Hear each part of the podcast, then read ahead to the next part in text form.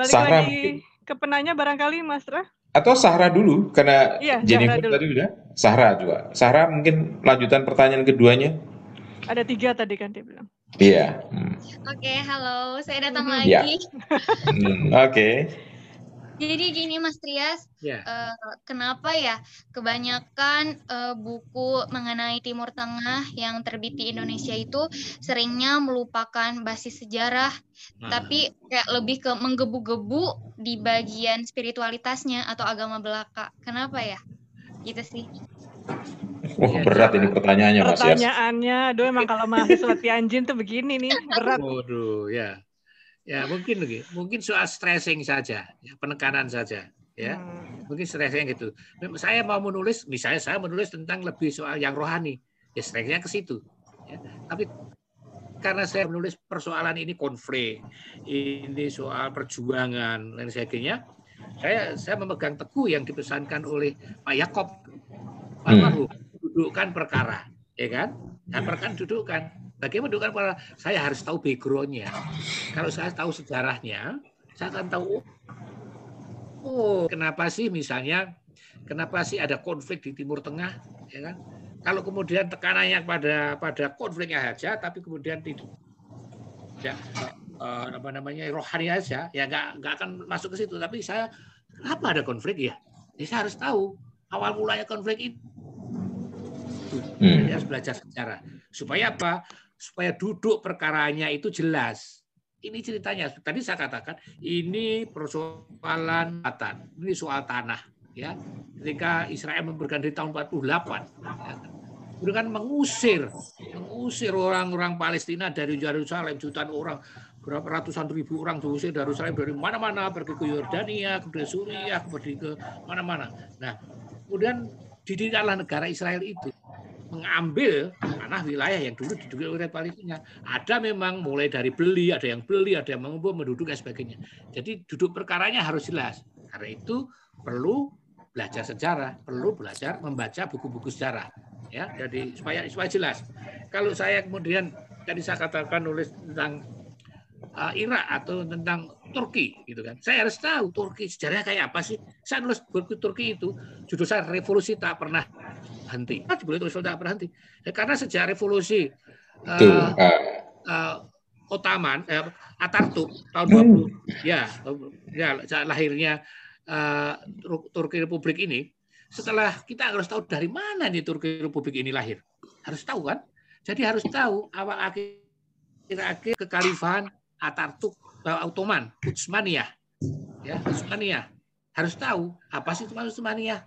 Kenapa sampai disingkirkan oleh Atatürk misalnya? Harus tahu. Jadi kapan itu mulai runtuh? Setelah Perang Dunia Pertama habis tahun 1917, utama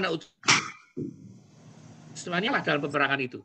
Dan kemudian dari sana, ternyata ketika kekalahan itu kita muncul mendapat yang lain juga. Oh, kekalahan Ottoman dalam perang apa yang memblok pada Jerman itu menghasilkan setelah Turki baru, tapi menghasilkan negara-negara baru di Timur Tengah baru tahu oh ternyata karena menjelang Ottoman kalah Rus, uh, Inggris dan Perancis secara diam-diam membagi wilayah itu menjadi dua. Yang utara Perancis yang kemudian selatan itu adalah Inggris. Wilayah Inggris sehingga muncul Lebanon muncul Suriah muncul Yordania muncul Arab dan sebagainya sebagainya. Nah dari situ kita akan tahu duduk perkaranya. Kayak bahasa yang digunakan Pak Yakob duduknya duduk perkara duduknya perkara. Duduknya perkara. Ya, itu supaya kita nggak eh, duduknya perkara. Nah, tahu oh perkara seperti itu. Ya kalau kecuali kalau kita mau nulis, kalau kita nulis politik, Mbak Sarah, kita juga harus tahu backgroundnya, background aktor-aktor politiknya. Ya harus tahu kenapa si A mendirikan partai ini. Itu background backgroundnya apa? Kalau kita mau belajar tahu aktor-aktor aktor politiknya itu, tokoh-tokoh partainya siapa, kok haluannya kayak gini, kok ideologinya kayak gini. Jadi harus tahu uh, orang tahu duduknya perkara itu. Ya. Kenapa partai namanya ini, ya kan? Misalnya itu. Jadi sejarah menjadi sangat penting karena dengan cara begitu dunia perkara akan berubah. Sekali lagi kalau kita mau bikin, misalnya saya bikin Yerusalem dari pendekatan uh, rohani misalnya, ya saya harus tahu secara rohani Yerusalem pasti artinya bagi tiga agama Abrahamik, ya kan? Hmm.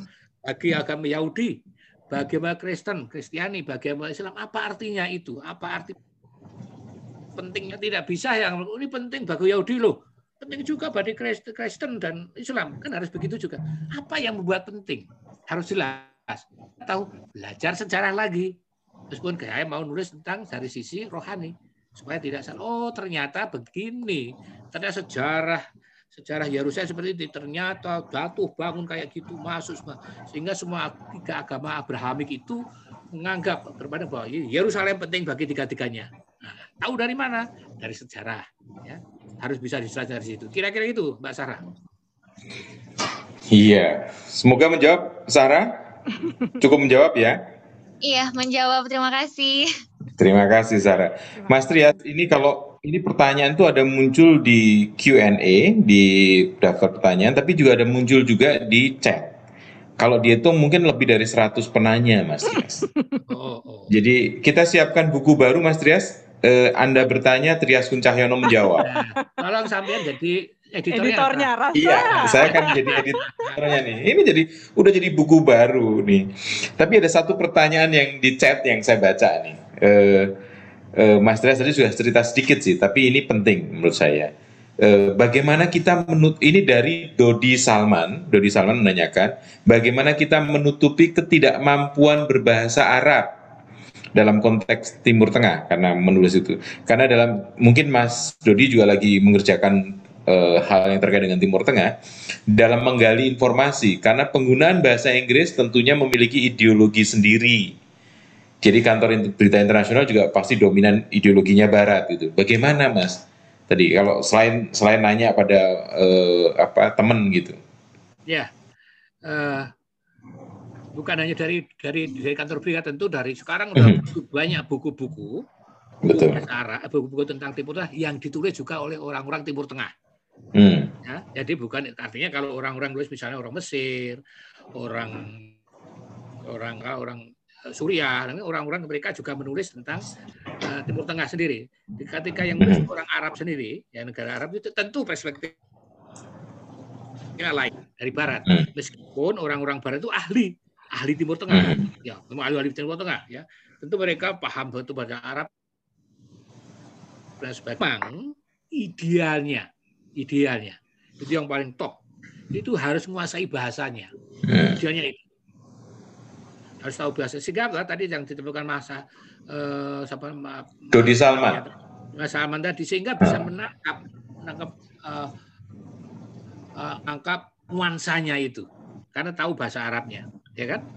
Tapi sekarang tadi saya katakan karena nggak ada terbatasan dalam hal bahasa Arab ada banyak penulis-penulis orang-orang Arab penulis Arab yang bahasa Inggris. Yang bahasa Inggris.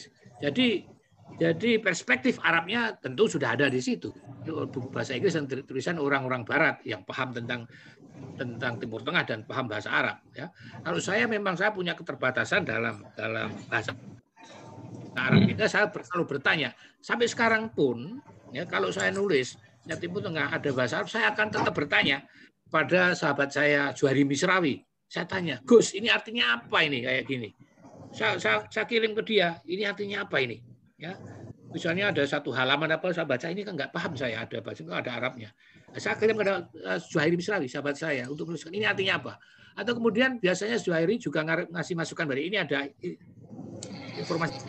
Jadi sekarang lebih banyak dipermudah memang uh, tadi saya sampaikan idealnya memang menguasai bahasa bahasa di mana yang kita akan terus sangat sangat sangat menguasai. Dan kemudian kalau kita pergi kebetulan saya diuntungkan ya di wartawan Kompas sehingga bisa pergi ke negara-negara itu dan bertemu dengan banyak orang di sana yang yang sudah yang bisa berbahasa Arab bahasa Inggris.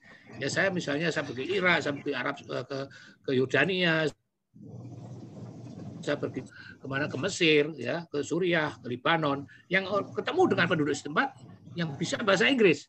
Anak-anak muda hmm. orang bahasa Inggris Ya bisa tanya lah di sana. Jadi sudah ketemu dengan orang eh, orang-orang setempat.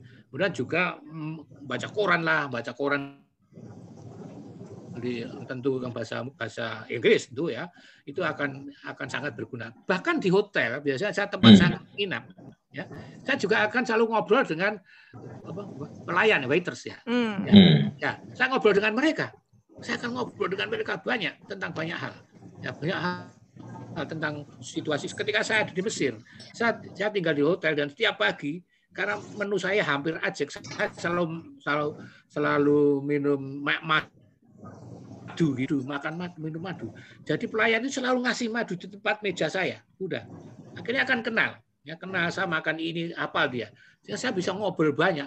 Kamu suruh cerita orang cerita tentang keluargamu cerita tentang masyarakatmu cerita tentang ini. Orang cerita orang sana. ya, mereka bisa bahasa Arab bahasa Inggris patah-patah tapi sekarang oh ini maksudnya ini. Ya itu. Hmm.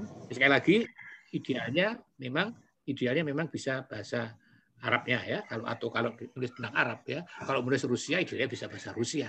Menulis bahasa atau sama dengan kawan-kawan yang studi. Ya kayak Cahra tadi Daniyah Asahra itu. Kan lagi studi di China, di Cina ya kan? Hmm. ya. Yeah. dia lagi studi di, di Cina betul ya betul ya yeah, betul nah, dia lagi studi Cina ya dia pasti harus bisa bahasa Cina sehingga bisa bisa betul-betul nulis tesis atau disertasi itu betul-betul apa menghayati betul. Kalau dia kalau cuma bahasa Inggris saja, habis itu kurang kurang kurang afdol itu. Hmm. Ya, jadi kira-kira seperti itu. Ya. Oke, terima kasih Mas Yes, Mbak Amanda, monggo. Baik, Mas Tra, Mas Trias, terima kasih. Karena tadi sudah disebutkan uh, Zuhairi Misawi, jadi kemarin tuh kita sudah sempat meminta uh, Gusmis untuk apa namanya tak ikut di sini Mas Trias. Cuma sayangnya waktunya nggak yeah. cocok untuk uh, Gusmis gitu.